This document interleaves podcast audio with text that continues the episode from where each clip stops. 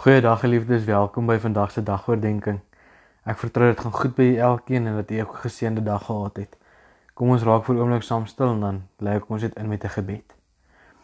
Ons Here en Hemelse Vader, ons sê vir U dankie vir hierdie dag wat ons uit U hand uit kon geniet het.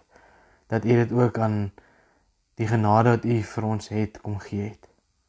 Here, daar waar ons ook nou met verwagting uitsien in afhanklikheid tot U grootheid na die antwoord van die woord, Here, wil ons vir vra kom maak ons harte en ons gedagtes stil.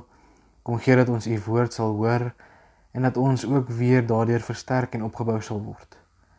Here, kom u self in die woord en kom gee vir ons ook die geestelike voeding wat ons nodig het. Here, dat ons ook die krag en die groei daaruit kan put om dit ook weer te gaan oordaan te gaan uitleef binne u koninkryk. Here kom wees hier by elkeen van ons waar ons nou rondom die woord vergader. Kom werk met die gees in ons. Ek wil gee dat ons dit u nabyheid en teenwoordigheid by ons sal beleef en ervaar. Ons maak u naam groot as die naam bo alle name, die naam Jesus Christus. Amen. Geliefdes, ek lees vir ons Psalm 28 saam. Die opskrif van die Psalm aan die Here kom die lof toe van Dawid. Ek roep na u Here my rots, moet tog nie doof wees vir my nie. As U bly swyg, sal ek wees soos 'n sterwende. Hoor my smeekstem as ek na U roep om hulp. As ek my hande in gebed uitsteek na die allerheiligste deel van U tempel. Moet my tog nie uitroei saam met die goddeloses, die mense wat onreg doen nie. Hulle praat vriendelik met hulle bure, maar daar is kwaadwilligheid in hulle harte. Vergeld hulle volgens hulle dade en volgens hulle skandelike gedrag. Vergeld hulle volgens die werk van hulle hande en laat hulle kry wat hulle verdien. Want hulle let nie op die dade van die Here en op die werk van sy hande nie. Daarom sal hy hulle afbreek en nooit weer opbou nie. Aan die Here kom die lof toe want hy het my smeekstem gehoor. Die Here is my sterkte en my beskermer. Op hom het ek vertrou. Hy het my gehelp Daarom is ek bly en wil ek hom loof met my lied. Die Here is 'n sterkte vir sy volk, 'n veilige beskutting vir sy gesalfde. Red die volk en seën die wat aan U behoort. Wees vir hulle herder en sorg altyd vir hulle.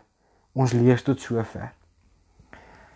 Geliefdes, as ons kyk na Psalm 28, dan kan dit in duidelike twee dele verdeel word. Die eerste gedeelte vers 1 tot wat die smeekgebed is wat Dawid wil hê die Here moet hoor.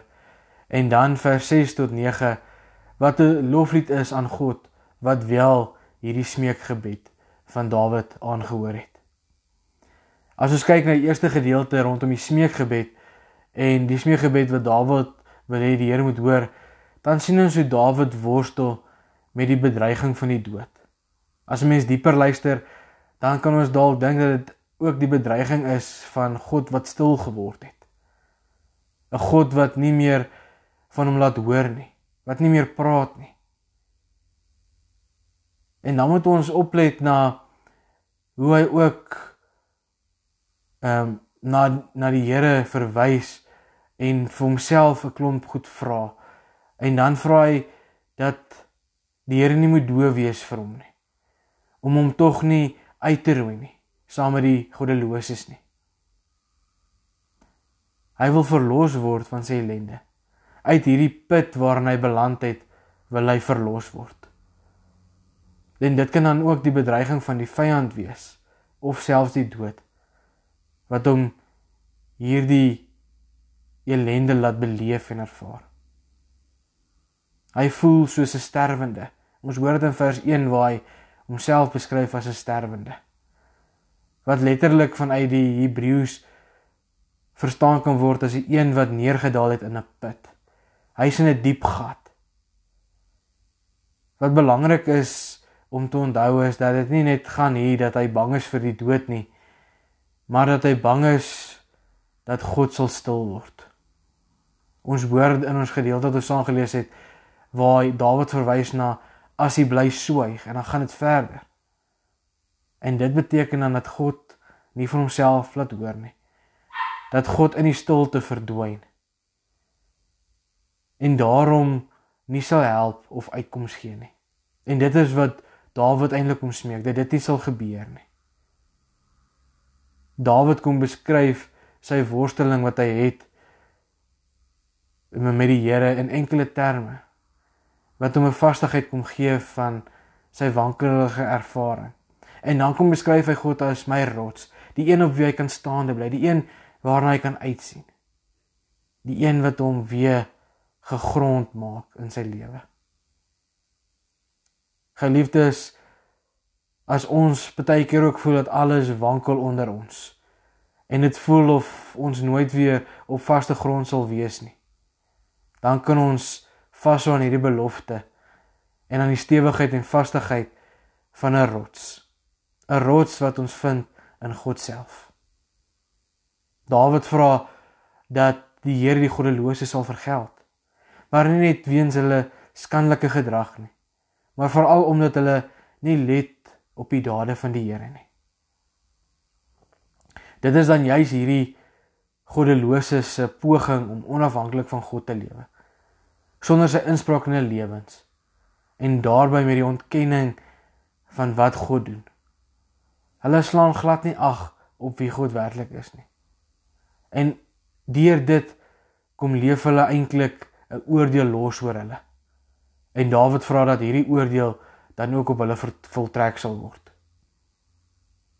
So Dawid sit met 'n diep worsteling binne hom dat God sal stil word maar dan ook kom hou hy vas aan God wat ewige rots is wat gaan uitkomste gee wat hom uit hierdie diep put uit sal kom haal. En dan kom vra hy dat God dan ook die oordeel oor die vyand sal voltrek. En dan 'n tweede gedeelte waar Dawid oorgaan van 'n smeekgebed na 'n loflied omdat God gehoor het. In vers 6 en ook verder in ons psalm loof Dawid die Here dat hy hom gehoor het en dat hy hom ook gehelp het. Sy beskrywing van God raak nou oorvloedig. En hy beskryf God in die manier hoe hy God beleef en dit wat God kom doen het. In vers 7 praat hy van dat hy sy sterkte is. Sy beskermer of sy skild is. In vers 8 hoor ons hy se sterkte maar ook 'n veilige beskutting. En sy gebed is dat God dit vir altyd vir sy volk sal wees. Vir almal wat aan hom behoort en dat hy altyd vir hulle sal sorg. En hy gebruik 'n verdere beskrywing van God dat hy vir hulle ook 'n herder sal wees. 'n Herder wat omsien na sy skape, sy volk. Hierdie smeekgebed en loflied van Dawid laat besef 'n mens maar net weer opnuut dat al hierdie dinge nie maar net outomaties deur God se sorg plaasvind nie. Maar dat dit genade is en genade bly. Selfs al kan 'n mens reken rekening hou met dit wat God doen. Omdat God dit beloof en omdat hy dit ook so laat leer ken deur die jare heen. Bly dit self nie van selfsprekend nie. Dit is nie iets wat elkeen van ons verdien nie. Dit is soos die bekende uitdrukking van die reformatie wat sê sola gratia alleen uit genade word dit vir ons moontlik gemaak word dit vir ons gegee vanuit God se grootheid. En daarom waar Dawid in die begin begin met 'n smeekgebed hierdie diep worsteling van God wat moet stil word nie. God wat homself nog steeds na vore moet wat te kom. God wat nog steeds moet uitkoms gee. God wat moet gehoor gee aan sy gebed. Waar God hom kom uithaal uit hierdie diep donker plek, 'n put waarna hy neergedaal het. Gaan hy oor na 'n loflied toe. Kom beskryf hy God se eienskap van hoe hy hom beleef en ervaar, hoe hy homself laat geld het as 'n beskermer, 'n sterkte, 'n beskutter, 'n skild. Hy's 'n rots waarop ons kan vas staan. En daarom kan ons ook die lof van God gee omdat hy ons hoor en ons help. En mag ons juis met dit by die Psalm aansluit met die wete dit gebeur alleen uit genade. Ons verdien dit nie, dis nie van selfsprekend nie. God gee dit vir ons deur sy genade. Amen. Kom ons bid saam. Here, dankie dat ons saam vanaand na Psalm 28 kon luister. Here, baie keer in ons lewe voel ons ook of ons hierdie wipplank wil ry tussen 'n smeekgebed, 'n worsteling en 'n wroging met U. En dan kort voor lank val dit oor en ons wil U loof en prys vir U grootheid, vir U getrouheid.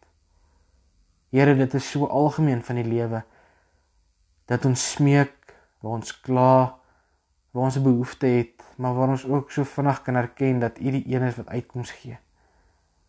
En daarom kom vind ons aansluiting by Psalm 28 vanaand as ons ook die lof aan U wil gee omdat U ons hoor en omdat U ons help.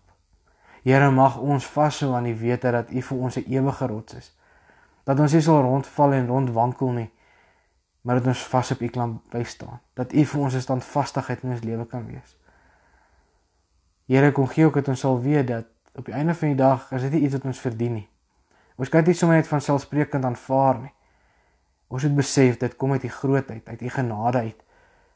En ons moet dit ook so sien en vir ons so self vat. Here kom gee dat ons U genade sal raak sien elke dag in ons lewe. Wil U by ons elkeen wees vanaand, Here? Kom wys net weer en weer vir ons U hand van genade in ons lewe. En kom gee Here dat ons op beskerm bewaar sal wees deur die aand.